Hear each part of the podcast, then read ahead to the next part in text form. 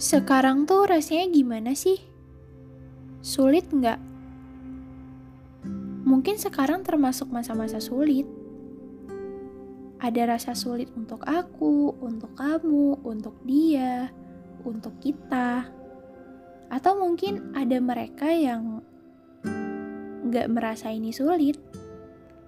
Tapi, apa pun yang kalian rasain, tetap dengerin ya mungkin bisa memanggil memori lama saat berada di masa sulit, atau sebagai bekal untuk persiapan jika suatu saat masa sulit datang.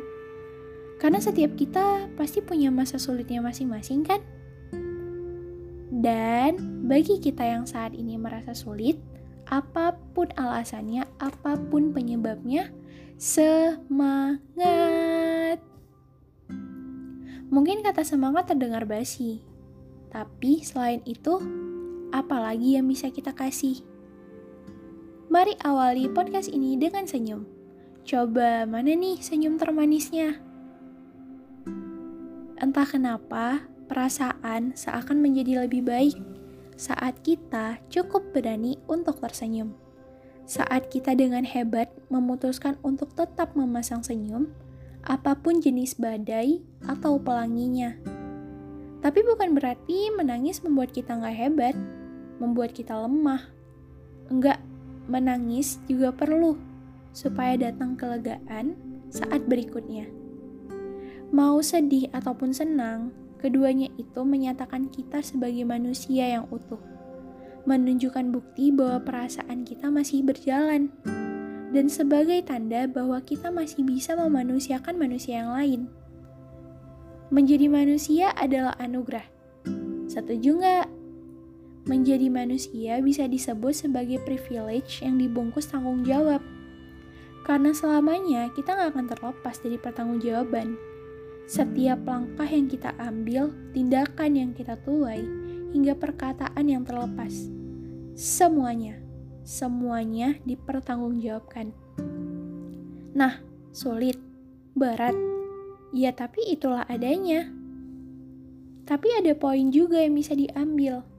Jika menjadi manusia saja pada awalnya telah terasa sulit, karena akan terus bertanggung jawab, maka seharusnya mungkin kita udah bisa kebal dengan kesulitan.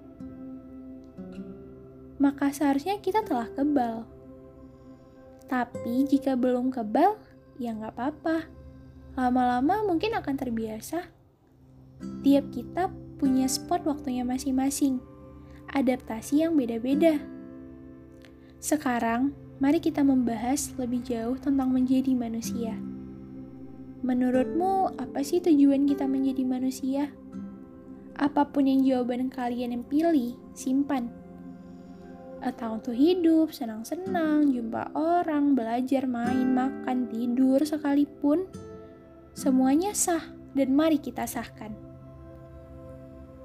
Tiap kita, tiap manusia, punya latar belakangnya masing-masing, punya kisah dan cerita tersendiri yang disebut mahakarya diri.